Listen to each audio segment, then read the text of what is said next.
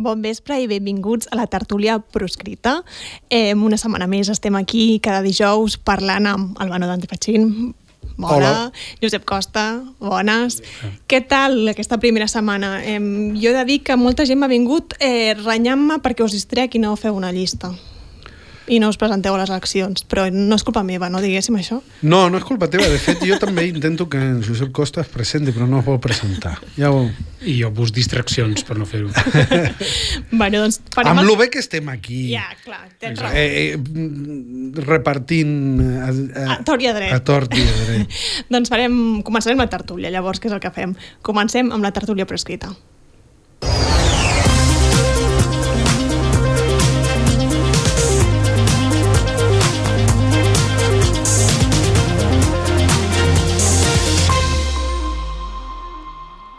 I si us sembla bé i si no també, eh, començarem amb la missió Pegasus que hi ha hagut eh, aquesta setmana a Madrid eh, i ho farem connectant primer per això amb la redacció de VilaWeb, on allà hi ha l'Oriol Babler, eh, que ha sigut l'enviat, diguéssim, per part de VilaWeb a Madrid i que ens podrà explicar una mica com es van viure allà en primera persona eh, tot plegat. Hola, Oriol.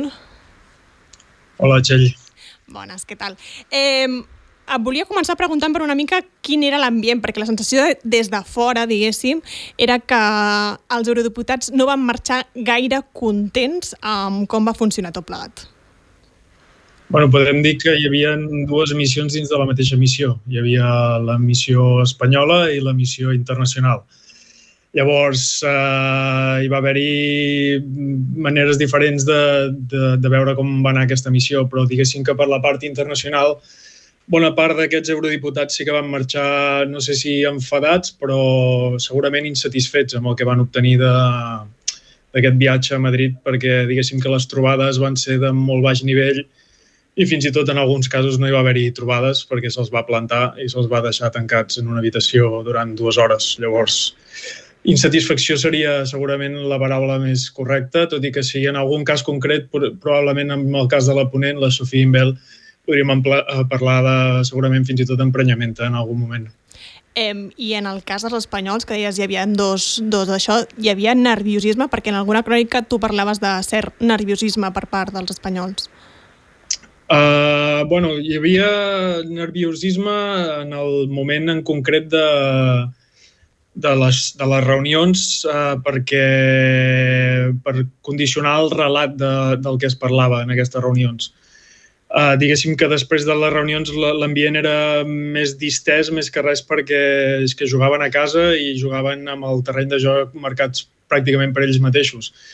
Llavors feia pendent a favor seu, però sí, en alguns instants, eh, veient alguna de les eh, intervencions que feien la mateixa ponent o alguna de les europarlamentàries eh, criticant eh, el fet de que es volgués desacreditar l'informe de Citizen Lab, per exemple, en alguns moments sí que eh, va haver-hi nervis o certs escarafalls.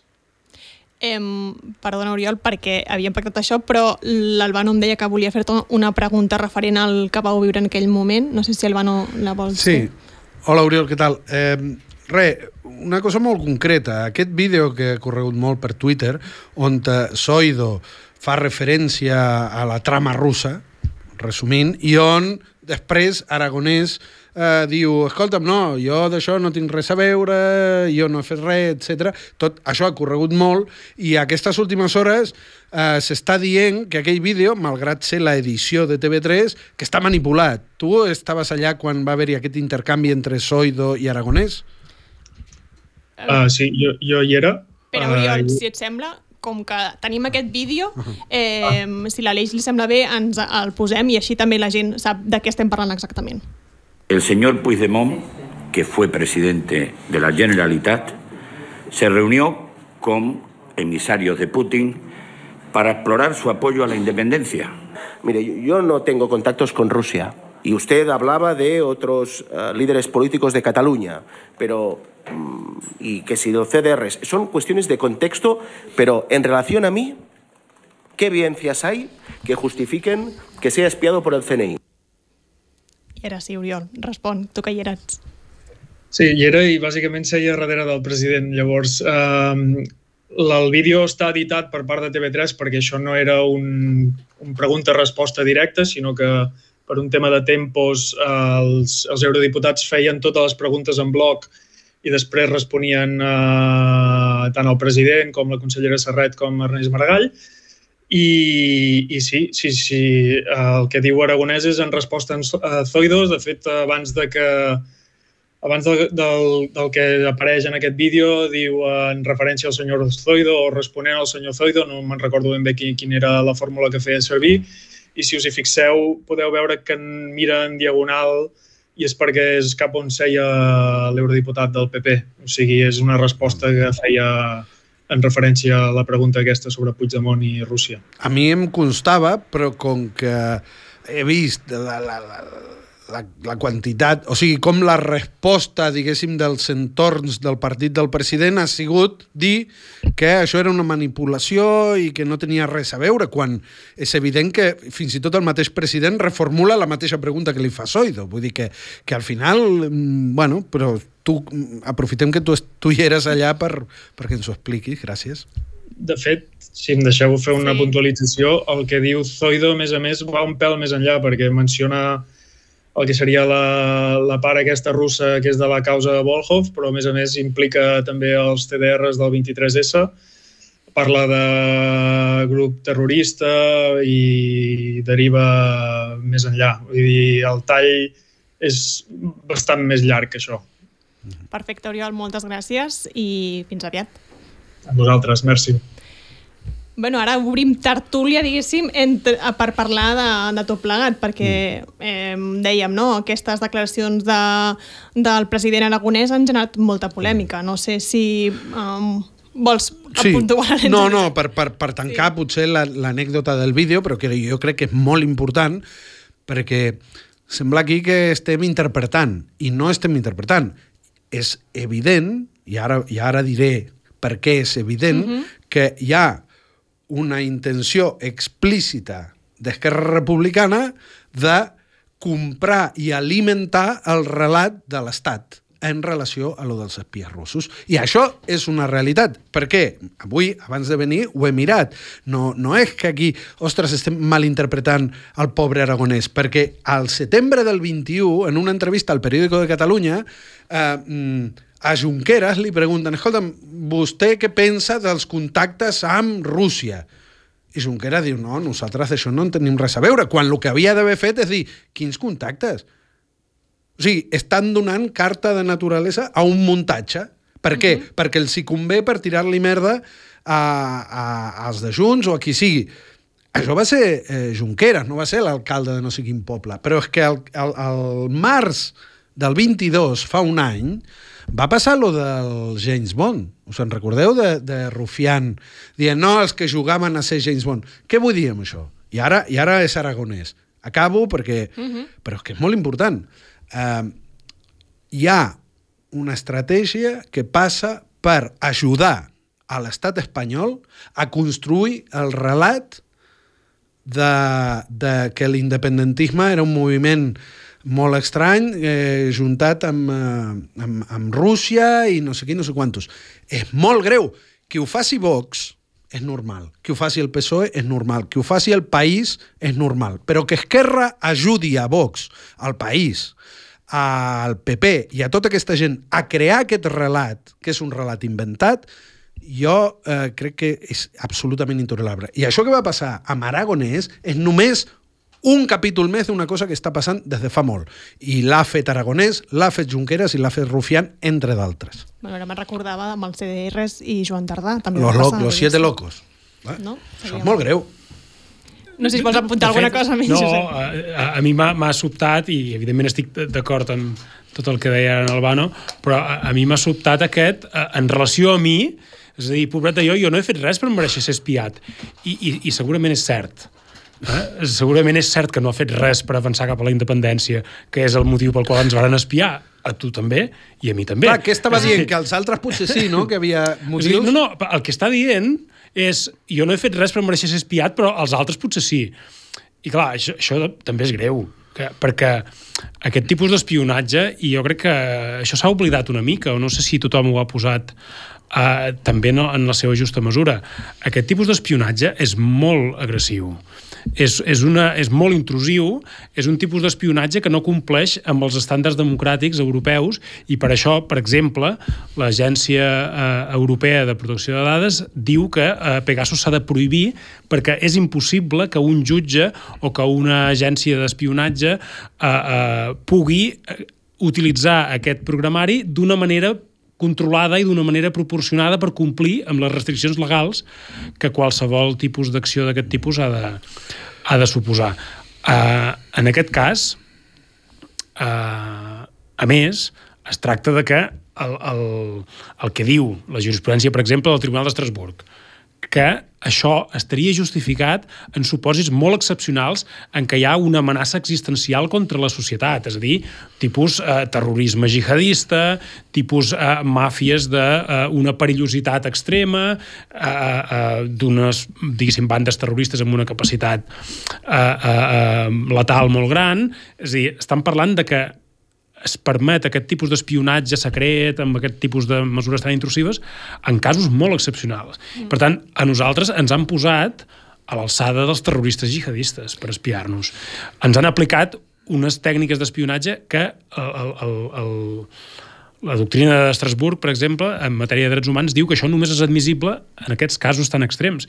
I el president de la Generalitat aquí li sembla que qualsevol de nosaltres que sí que hem fet alguna cosa per avançar cap a la independència ja mereixem ser espiats d'aquesta manera. Ah, doncs no ho sé, jo demanaria, crec que en aquestes alçades hi ha rectificacions i, i explicacions i dimissions, perquè, perquè ja està bé. Bueno, Perdó, eh? Ah, sí. Anava a dir que, que justament em va sorprendre, diguéssim, de, de tot plegat, que de vegades semblava que estaven com justificant la, la, que us haguessin posat aquest, aquest programari. És a dir, que els espanyols moltes vegades no defensaven ni dir no, no, que nosaltres no hem sigut, sinó és que ells són molt dolents, no? I, i m'he apuntat perquè hi ha un moment que l'eurodiputada polonesa, dirigint-se a Zoido, va dir no som aquí per jutjar si Catalunya ha de ser un estat o no, si som aquí per discernir si la seguretat nacional i els secrets oficials ho poden tapar tot. És a dir, que, que en realitat van portar com el debat de tot plegat a un lloc que tampoc tenia molt de sentit, tenint en compte com era la missió. Mm, jo... Sí, és a dir, jo em puc enfadar molt amb en Soido. Uh -huh. I em puc enfadar molt amb el PSOE i amb el que ha fet Pegasus. Cal, cal fer la... De... això és el PSOE. Eh? És a dir, que clar, ningú passi per alt. És, que... és a dir, que el PP és molt dolent i Vox és l'extrema dreta i no sé què. Eh? Però Pegasus és 100% made in PSOE. I podríem dir Podemos també, perquè, escolta'm, on està Podemos demanant Podemos va investir el govern del PSOE. Bueno, i, i recordo que Marlaska segueix allà i sí, alguna queixa i tal, però per, per això dic, jo a mi, pues que ara, veure el president de la Generalitat que davant d'unes declaracions com aquestes no, no monta un pollastre de magnituds vull dir que, que de fet és el que un esperaria de dir, ostres, han vingut un, un, un agent de, de, de, del Parlament Europeu i tal, és un moment per aprofitar i per deixar clar i patent el, el, la profunditat del desengany. En comptes d'això diu, bueno, jo no he fet res. Hòstia, tu, tu, tu tens unes obligacions com a president. Hi han eh, ciutadans del teu país per, per qüestions polítiques als quals se les estan eh, fulminant els seus drets fonamentals i tu l'únic que fas és defensar-te tu.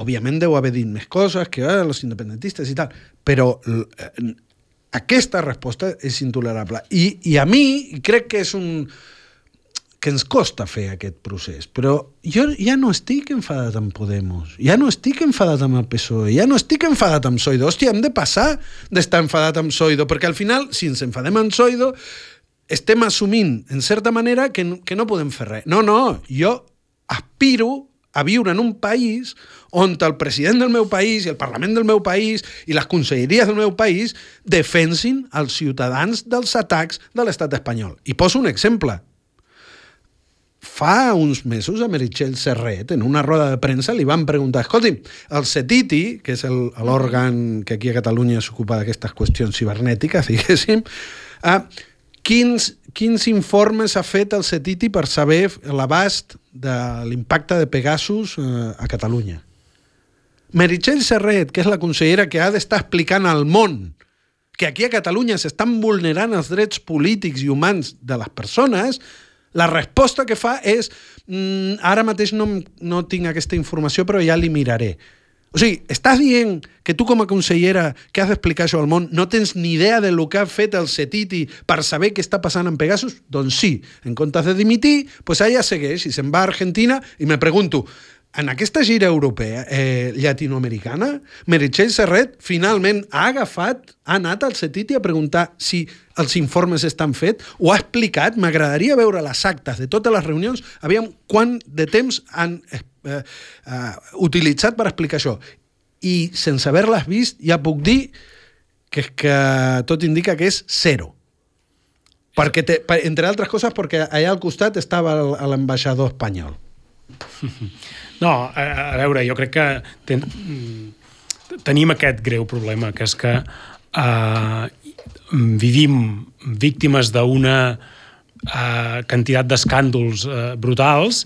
Ja, vull dir, altres dies ja parlarem segur que si Operació Catalunya, que si Pegasus, tota la repressió que hem viscut uh, amb un govern de PSOE i Podemos, que eh, tota la maquinària propagandística es dedica a, diguéssim, embolcallar-ho com el mal menor, eh, perquè després eh, ens hem de menjar tot aquest relat mediàtic, que si la dreta, que si no sé què, que si, eh, que si aquest govern cau n'hi ha un de pitjor, etc eh, etc. I tot això, al final, eh, com deia, per sostenir el mal menor, eh, ens està eh, deixant indefensos davant qualsevol eh, vulneració dels nostres drets, davant qualsevol espoli, davant qualsevol eh, incompliment de l'Estat. Per què?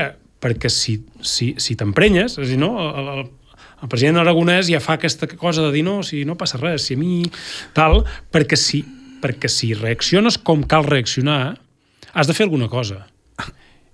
I clar, si no tens intenció de fer res, tampoc et pots enfadar Clar.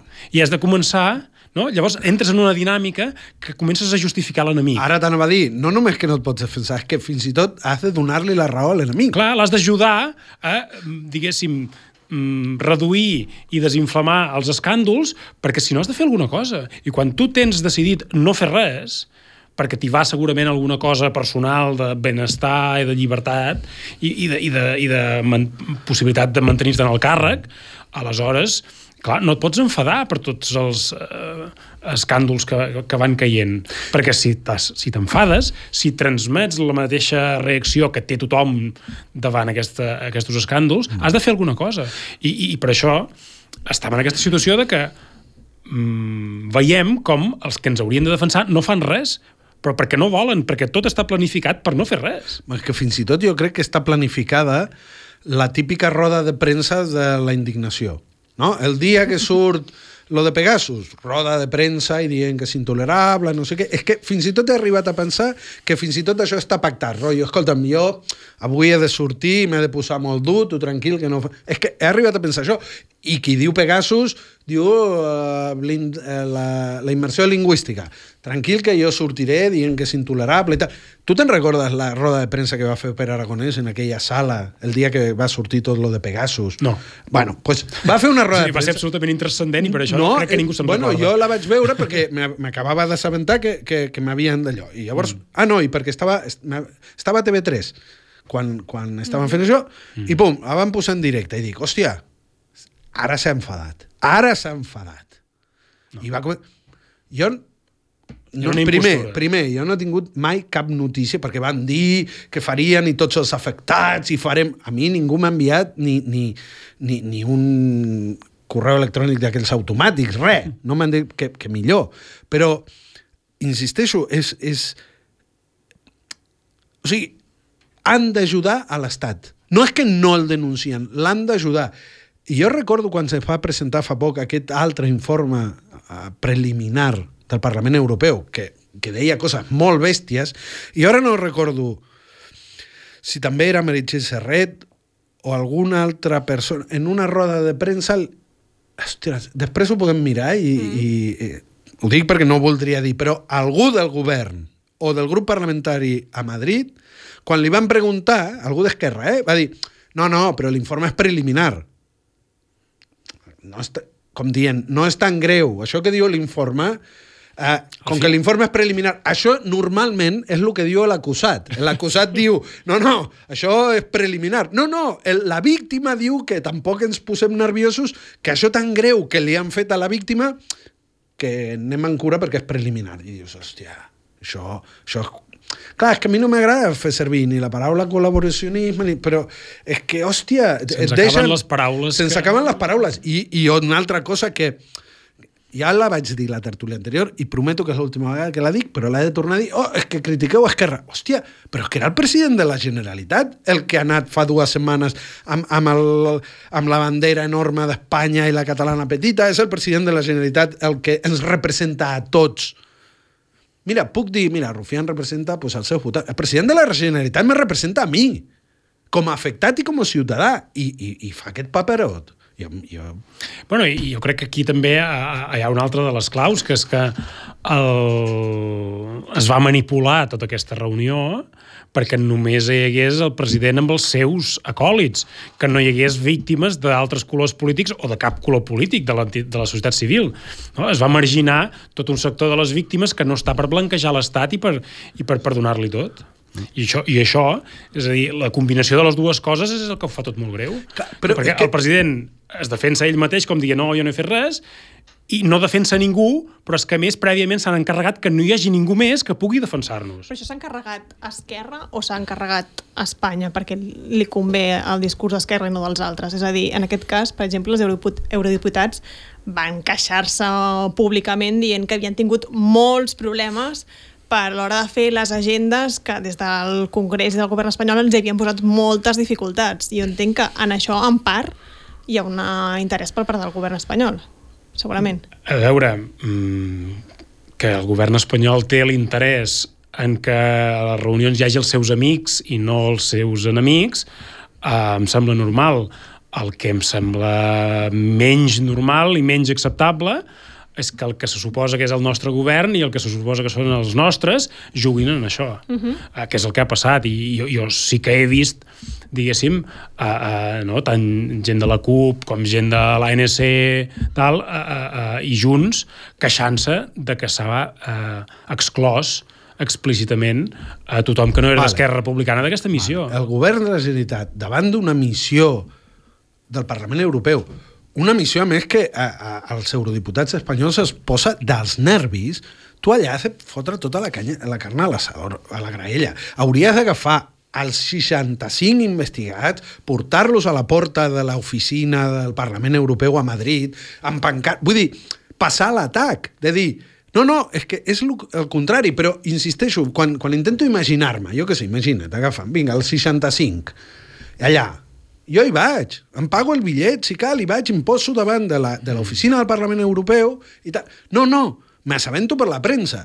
Llavors, sí que es poden fer coses, sí que es poden que efectivament la Generalitat... Aquesta sensació de derrota prèvia, de, és que ni ho intentem perquè no cal. Hòstia, també és veritat que jo podria haver-me organitzat i anar, però, hòstia, per, per això tenim un... És que si no, per què tenim un president de la Generalitat? Per què? Però, Albano, eh, ara ja posat a un altre nivell, diguéssim, en què totes aquestes variables no, no, no, no hi juguen.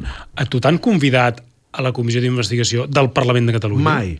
Ningú s'ha posat, ningú s'ha posat amb mi. Però, insisteixo, que veient el que hi ha, mm, tampoc és sí, que ho vulgui, que però... A la, a la Comissió del Parlament Europeu, si ni la del Parlament de Catalunya no es preocupa per tu com a víctima. Ah podríem estar parlant hores i hores Perdó, sobre... puc, puc sí. fer un... No, no, un Últim, molt, molt petit. Si no, molt petit. temps als altres. Ah, mm, fem la, la, el paral·lelisme. Si jo puc venir aquí i dir, mira, no m'han convidat i aragoneses no sé què i no sé quantos, per, pensem en tota la gent que està sent reprimida, que no té la possibilitat de sortir la setmana que ve, els que van tallar l'AVE a Girona. Vull dir que, que, que, que si a tu i a mi no ens diuen res, passen de nosaltres, malgrat saben que, que a la gent que no té la capacitat de, de, de denunciar-los en veu alta, l'oblit és brutal i això també cal dir-ho. Ja està. Un bon recordatori. Canviem ara sí de tema, perquè si no ens donarà temps a tractar-ho tot i ens quedarem aquí en Pegasus eh, tot, tot aquest vespre.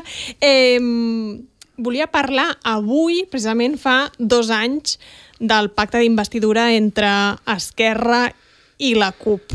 Bueno, un pacte que podríem dir que eh, ja està. Bueno, va durar molt poc, diguéssim, va aplicar molt poca cosa. Quina valoració en feu de tot això dos anys després d'aquest pacte? Bé, um, jo crec que tots eh, podem estar d'acord en que els resultats són una mica magres, en, en el sentit que es va preveure eh, tota la parafernàlia de la taula de diàleg, es va, es va dir que mentrestant es aniria parlant, negociant eh, una segona fase de la legislatura, si els dos anys no s'havia eh, obtingut cap resultat de la taula de diàleg, i jo crec que, que tots aquells que ens varen mirar això amb escepticisme uh, ja és fins i tot uh, uh, abusiu dir és que ens ha donat la raó del temps, és que ja, ja, ja ho sabíem, tot parlat com aniria.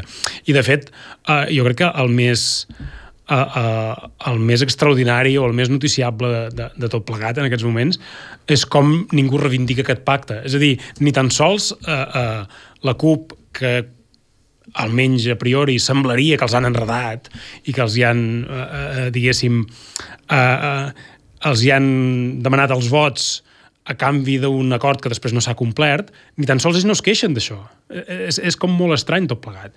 I, i, i jo sí que tinc, tinc un record molt, molt directe d'aquell moment i de com es anava confegint tot, perquè eh, el 14 de febrer, el, el, que és les primeres eleccions al Parlament, que se supera el 50% per part de l'independentisme, etc. eh, hi, hi havia dues lectures. Hi havia una lectura de que Esquerra havia quedat per primera vegada com la principal força independentista, però també hi havia una realitat que era que la suma de Junts i la CUP eh, era molt més eh, que no eh, Esquerra i que per tant hi havia la possibilitat o hi havia una alternativa que eh, era plantejar-li, escolti'm, eh, senyors d'Esquerra, vostès són la força més votada de l'independentisme, però no tenen l'hegemonia de l'independentisme. Per tant, aquesta pretensió de liderar l'independentisme cap a a fórmules de diàleg amb l'Estat, cap a fórmules de, de, de rebaixar el conflicte, de desmobilització, etc, no ha estat refrendada pel moviment, per les bases del moviment. I, i jo això, a mi, personalment, em va saber greu que això per part de la CUP mai es va plantejar. És a dir, que es, eh, la CUP va donar per bo immediatament que eh, eh, investirien en Pere Aragonès eh, i, i, i Mm, sense una exigència en termes de a full de ruta, d'orientar les coses cap a una política més rupturista. Ara tu deies això de que els vots del 14 de febrer no, no, bueno, que tenia diverses lectures. La lectura d'Esquerra és nosaltres hem tret 33 diputats, el següent independentista n'ha tret 32 i la CUP han tret, eh, sembla que 9, per tant, jo he de tenir la presidència, per tant, es farà el que nosaltres diguem. No? Jo avui ho he buscat, perquè dic, clar, el 14 de febrer, les eleccions aquelles, hi havia un partit que apostava per la taula de diàleg, que era Esquerra, i dos partits, que eren la CUP i Junts, que deien que això de la taula de diàleg no portava lloc. Esquerra va treure 33 diputats i els partits que deien que la taula de diàleg no portava lloc en van treure 41 i, i ho tinc en vots, eh? 600.000 a favor de la taula de diàleg, 700.000 eh, 700.057 en contra de la taula de diàleg. I malgrat això, s'imposa la idea d'Esquerra. Fins i tot, ho he buscat, Rufián va dir els resultats electorals del 14F avalen la nostra estratègia a Madrid. Els problemes no es poden posposar, la taula de diàleg s'ha de començar i s'ha de respectar. És a dir, ells defensen aquesta legitimitat. I aquesta legitimitat, eh, com a mínim, és discutible. I, per, i aquí és on, te, quan mirem a la CUP, es fa difícil entendre, perquè, perquè ha, ha passat temps ja, però és que va haver-hi un, un, un acord Esquerra-CUP eh, mm -hmm. que jo pensava, dic, ara, entre Junts i la CUP, agafaran a Esquerra i la posaran a puesto Clar, aquell acord, o sigui, no només que no s'ha complert l'acord, sinó que estratègicament estava mal jugat, perquè dius, escolta'm, tu ara pots fer valdre la teva posició. Si al, al, a la primera ronda de negociacions tu acceptes el relat d'Esquerra, que és, no, no, ara s'ha de fer el que jo dic, tu has perdut força en negociació. Recordem que al cap de ben poc la CUP dona el seu suport a Esquerra i després es produeix, diguéssim, tota la negociació amb Junts. Però Esquerra, davant Junts, feia servir la força que la CUP gairebé li havia regalat. I aquest és l'error. Ho dic tot això perquè eh, també ho estic veient algunes respostes davant la crítica que se li fa a la CUP, una resposta que en certa manera la puc entendre, de dir, no val culpar a la CUP del desastre quan els dos grans partits independentistes no han parat de fer desastres. Vull dir, això és així. De fet, el pacte es trenca perquè Esquerra i Junts governen junts. Per tant, eh, que no es pugui culpar la CUP de tot és evident, perquè al final és el soci minoritari. Ara, de que, de que ha jugat les cartes d'una manera mm, molt poc hàbil, jo crec que és evident. Estem parlant del partit que va ser capaç d'apartar l'Artur Mas i de... Vull dir, que ells en algun moment del procés havien tingut aquesta força, aquesta potència de dir pues, per aquí no passen. I en aquest cas no es va fer servir. I justament el no haver-ho fet servir ens ha portat aquesta desmobilització, aquesta taula de diàleg. Que, que, I això que tu dius, de dir, uh, torno a les rodes de premsa, jo penso en, en, en, en idees. La CUP avui hauria d'haver muntat un pollastre de dir, fa dos anys vam pactar i aquesta gent ens va enganyar. Clar, els hi passa una mica com a Esquerra, no ho poden dir és perquè si no... enganyar. És dir, Clar, però, però escolta'm, al final, jo, jo, escolta'm, pactes incomplerts a la política hi ha de tota mena, i certament, escolta'm, no, seria la, no serà la CUP el primer partit al qual eh, li colen un gol. No passa res. Ara, avui tu has de convocar i has de muntar un pollastre perquè Esquerra Republicana ha incomplert el pacte.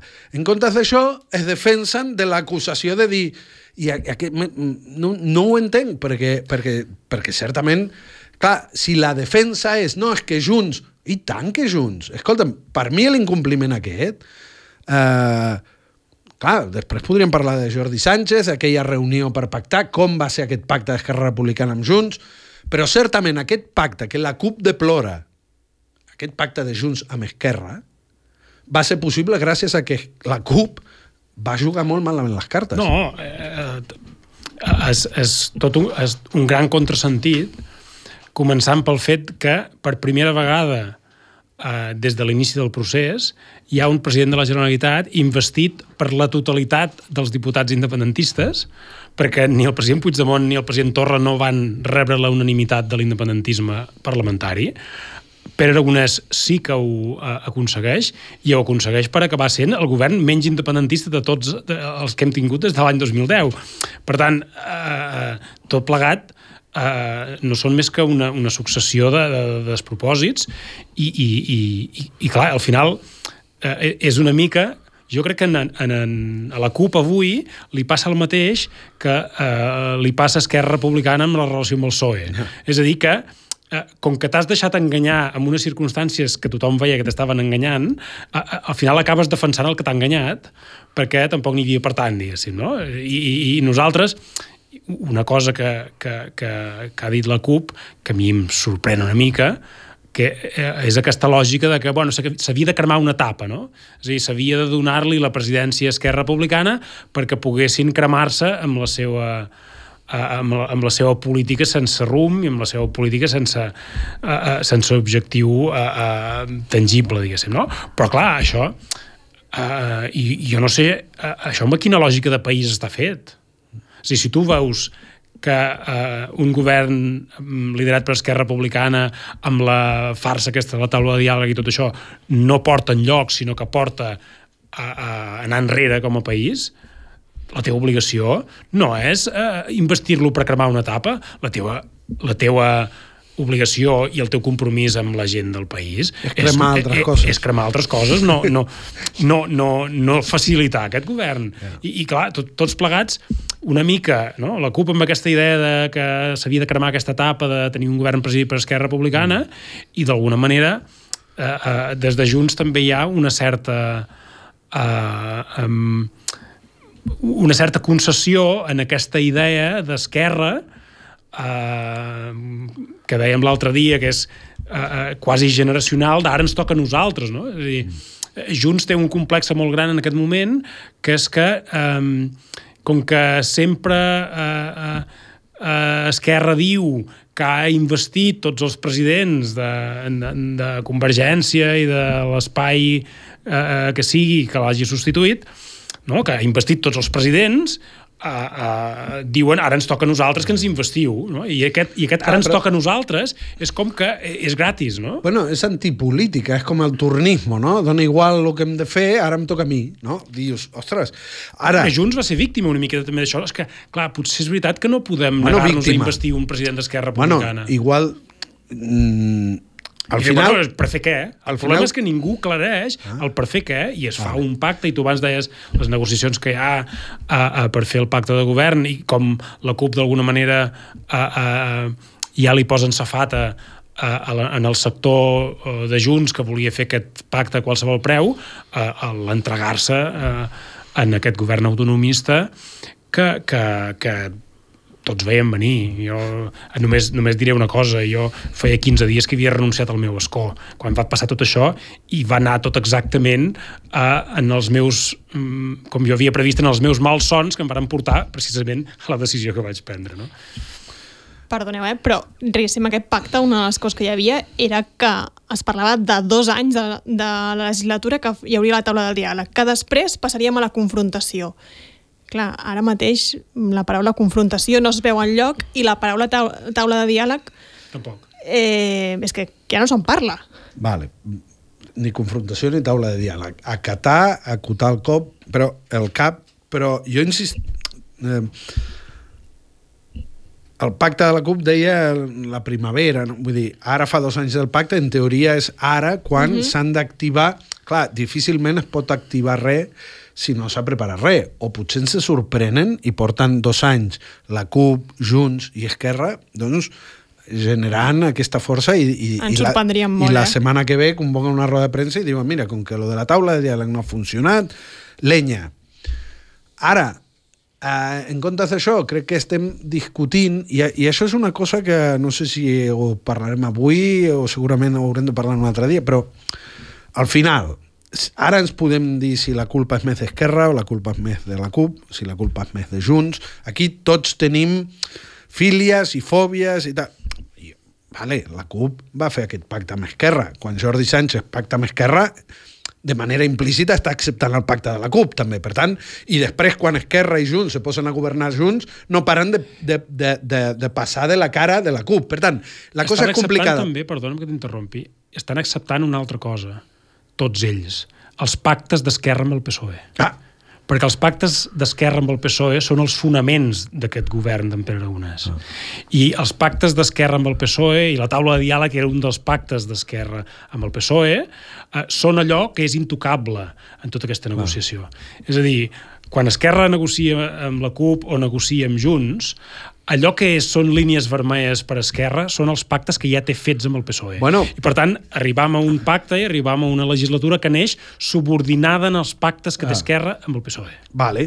Per això jo abans llegia lo de Rufián quan diu aquests vots avalen la nostra estratègia a Madrid. Quan diu la nostra, diu la d'Esquerra. Clar, si durant aquestes negociacions això mm, va ser acceptat, i ho va ser, perquè el que hem vist després és que Esquerra va seguir fent la seva eh, estratègia a Madrid. Però jo el que volia apuntar, i que potser, òbviament, crec que no, no hi cap avui, mm, Ho apuntes i ens ho apuntem Sí, per la és, següent. és molt ric el debat, és molt ric el debat i veure qui té més responsabilitat i tal.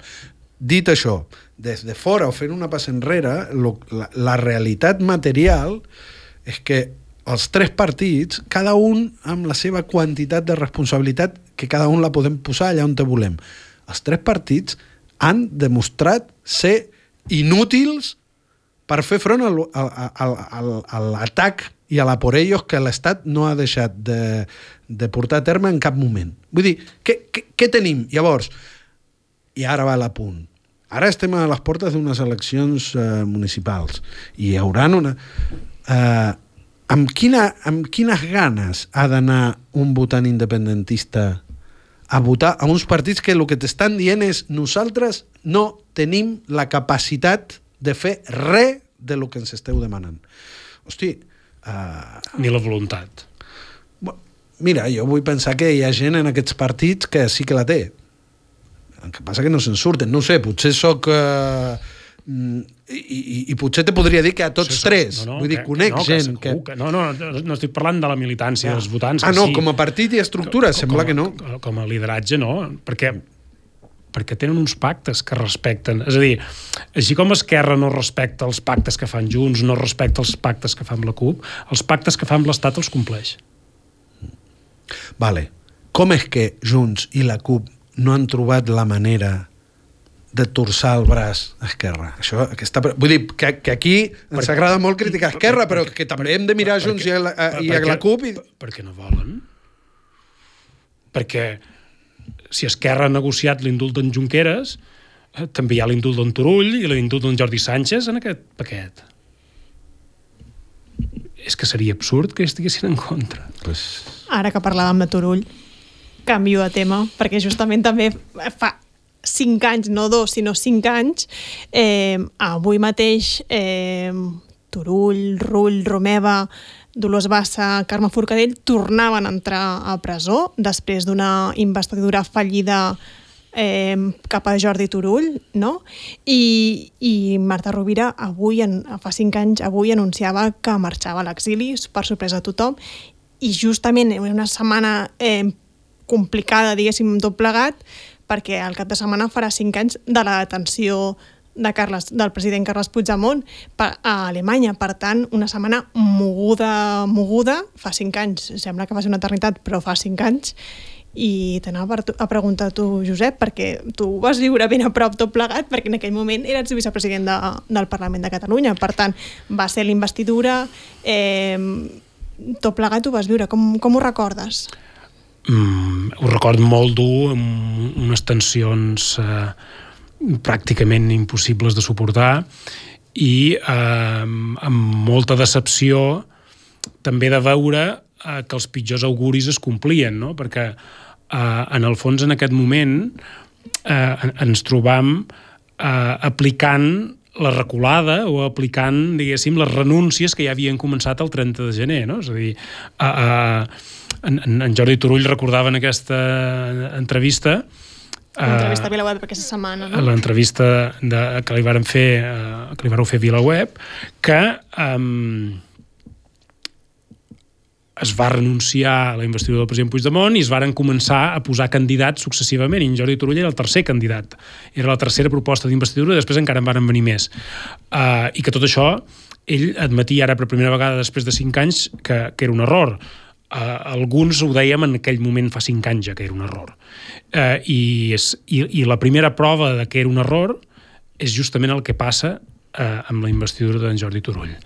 Perquè eh, en Jordi Turull era un candidat que ja no estava a la presó, era un candidat eh, que mm, va plantejar un discurs en el, en el, no? en el ple d'investidura eh, sense cap aresta, és a dir, no va dir res que pogués ofendre a la justícia espanyola, eh, sinó que d'alguna manera eh, complia amb aquest mm, paràmetre de fer bondat que, que s'havia d'alguna manera decidit que havíem de fer i no va servir per res. No va servir per evitar eh, eh, el seu empresonament i l'empresonament de tots els altres eh, diputats perquè l'Estat ja havia decidit que necessitava més hostatges. Jo record que sí que en aquell moment eh, alguna vegada eh, no? ara faig servir aquesta paraula més sovint de, de, de, de, de que els presos els tractaven com a hostatges però jo record en aquell moment fa cinc anys jo vaig fer servir aquesta paraula que l'Estat estava fent una presa d'hostatges que eren els diputats del Parlament de Catalunya eh, que, que estaven en, eh, encausats en el, en el Tribunal Suprem perquè d'alguna manera tot i que havíem renunciat a la investidura del president Puigdemont, tot i que estàvem fent una, una, una deriva ja absolutament equivocada, no en teníem prou. És a dir, encara no ens tenien prou humiliats i a prou a, a, a controlats i varen decidir tornar a, a prendre els hostatges que havien deixat sortir temporalment. No? I, i, I tot això, mm, vist amb la perspectiva del temps, eh, el que, el que segurament convida eh, és a dir que tot el que ha vengut després ha estat un error. eh, i que eh, hi ha un pecat original en, aquell, en aquells dies d'intentar eh, prendre un camí de fer bondat i de, i de, i d'alguna manera eh, aparcar la confrontació, no?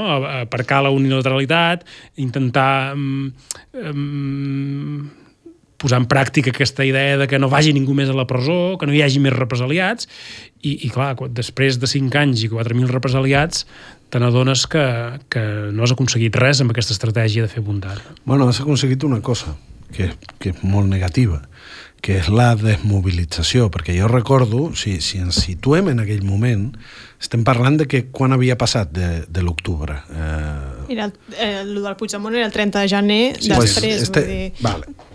No, menys. No. Sis mesos, de l'1 d'octubre, sis mesos. Vale, eh, vale, mm. vale, doncs eh, recordem aquell moment. Vull dir, la gent continuava sortint al carrer de manera massiva, a la que hi havia una manifestació, a la que hi havia una reivindicació, la gent hi anava, hi anàvem, eh, s'omplien els carrers eh, a la mínima perquè la gent no estava disposada a acceptar que tot això que estava veient, els empresonaments i, eh, i amb el record molt present de l'1 d'octubre i tal, tot això hi era i tot això tot això és, també ho hem perdut. No només hem perdut els represaliats, hem perdut aquella força que es tenia. I abans parlàvem d'aquests pactes amb el PSOE que són indiscutibles i semblen que estan forjats amb ferro. Uh, en algun moment, i jo no sé si haurem d'esperar que es classifiquin documents d'aquí 40 anys o què, però en algun moment haurem de tenir les proves de que un dels pactes fonamentals era fer tot el possible per enviar la gent a casa. Perquè ara, vull dir, ja, ja és vist i és evident políticament que eh, s'ha desincentivat a la gent a sortir al carrer. Ara, eh, sembla que això ha passat perquè ens hem cansat, perquè ha vingut la pandèmia, que segurament hi ha una mica de tot. Ara, que aquesta desmobilització ha estat promoguda activament des de Catalunya, això és una evidència i, i, i forma part, sens dubte, d'aquests pactes. No? I, I quan ho compares amb la força que tenia l'independentisme en aquells moments, que sí, que davant de l'empresonament d'un president de la Generalitat com podria haver estat Turull, que davant de la impossibilitat total d'articular una, una aparença de normalitat democràtica a Catalunya, vull dir, la gent hi era pues, s'ho van carregar i ho van desaprofitar. Sí, no. Vull dir, vàrem equivocar-nos en moltes coses. Jo aquell dia, ho dic ara perquè ho vaig dir aquell dia, uh, uh, ens hauríem d'haver tancat el Parlament en vaga de fam els diputats aquell dia. El 30 de gener o el dia de la investidura?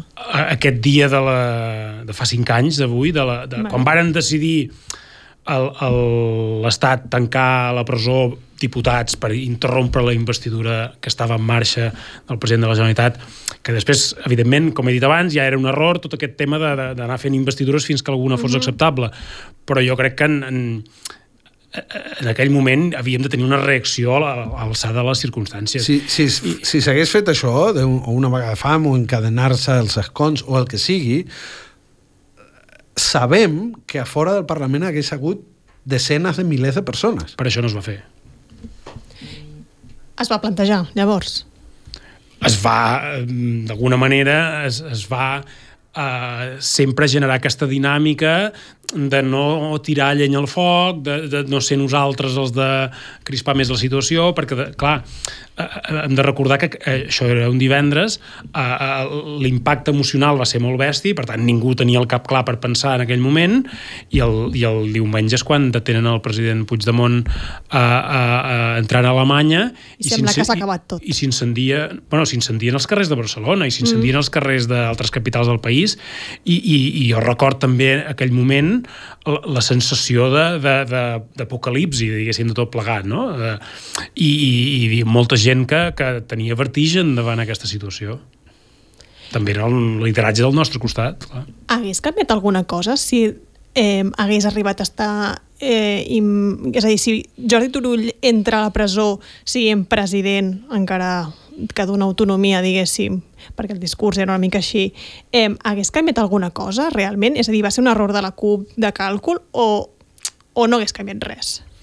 Jo crec que canviaven moltes coses, entre d'altres, La primera d'elles és que quan tu investeixes un president de la Generalitat no n'investeixes després un altre, no? És a dir, uh, uh, si ja havíem investit un president de la Generalitat, que era la condició, vull recordar, per aixecar-se el 155, és a dir, que aquí ens tenien a tots d'alguna manera sota la pressió govern que, de, efectiu, del govern no? efectiu, de que s'ha de fer govern, s'ha de fer govern, perquè puguem aixecar el 155 i perquè puguin sortir els presos de la presó i perquè eh, tot tornarà a la normalitat si fem govern, eh, tot això eh, eh, és aquesta pressió que hi ha en aquell moment que l'hau- l'hauries dirigit cap a un altre costat. Si tu investeixes un president de la Generalitat i després l'Estat decideix tancar-lo a la presó, decideix que no el vol eh, deixar exercir, però clar, tu ja el tens. Ha el, el, el rellotge de les eleccions, perquè clar, allí, en aquell moment eh, la gent patia molt, perquè clar, si no fem govern eh, s'haurà de convocar eleccions algun moment, eh, eh, després ens pot anar malament els independentistes, aquesta por que sempre té, no? aquesta por a, a votar, quan en realitat sempre hem guanyat, sempre que hi ha hagut eleccions, no? I però aquesta inseguretat de que, ostres, si es repeteixen les eleccions potser no guanyarem, eh, etc. no? Aquest, aquest, tot això hauria canviat, Bueno. perquè una vegada has investit un president de la Generalitat, el, tota la maquinària institucional canvia el seu ritme. Bueno, i, i, i a més, ja es, potser ara es mira cap enrere, però està demostrat que aquest apaciguamiento no, no, no atura l'acció de l'Estat, al contrari. Uh, I a més, clar, jo, jo recordo que aquest debat es va, es va plantejar quan, recordeu-lo, de la pancarta de Torra, no? Uh -huh. que si era simbolisme, si no ho era, que això és desobediència simbòlica. Per començar, tota, la, tota acció política és simbòlica, perquè eh, en realitat el que estàs fent és posar en contradiccions sobre la taula. Efectivament, doncs Jordi Turull mm, diputat o Jordi Turull president, eh, escolta'm, mm, po- potser no depèn la independència d'un país d'això. Ara, tu, com a contendent en un, en un, en, en un xoc, tu li has de posar el més difícil possible a l'adversari. Mm. Escolta'm, que detenir un diputat i empresonar-lo eh, és difícil, doncs t'ho posarem una mica més difícil, doncs ara fes un president de la Generalitat. Eh, tant que parlen, no?, de que no, és que a nivell internacional, eh, recordem, no?, això, de que a nivell internacional ens demanen que ens asseiem a la taula de diàleg. Bueno, doncs si a nivell internacional eh, el simbolisme, que al final és una part fonamental de la política, és que Espanya fica a la presó a un president de la Generalitat, a un altre. Bueno, doncs, escolta'm, tu com a contendent polític has de jugar aquestes cartes. No, no, abans de posar en, en una situació incòmoda l'altre, no l'investeixis, entrega't a no sé on, no treguis la pancarta, perquè si total és un simbolisme, escolta'm, doncs llavors deixem de fer política i que el simbolisme és el que di Espanya. Sempre es fa cura això, però ja en, hem d'anar acabant. Mm, ens han quedat moltes coses, diguéssim, per tractar en realitat, perquè hi havia molts temes a parlar aquesta setmana, però la setmana que ve continuem fent tertúlia, si us sembla bé. I tant. Em sembla molt bé. Jo aprofito, acabo dient que, eh, que eh, la, tota la gent que va veure la tertúlia passada i que va dedicar una estona, a mi no em deixa de- d'emocionar, de, igual que quan anem a, a algun poble o alguna ciutat i fem una xerrada i ve la gent. Això jo crec que, que hi ha, malgrat tot el que hem comentat, hi ha, hi ha, hi ha, hi ha, hi ha vida, no? Hi ha, hi ha uns fonaments sòlids, hi ha un, hi ha un moviment que no s'ha rendit, està clar. Doncs aquest moviment esperem que ens continuï veient i esperem veure'ns la setmana que ve. Fins, fins aviat.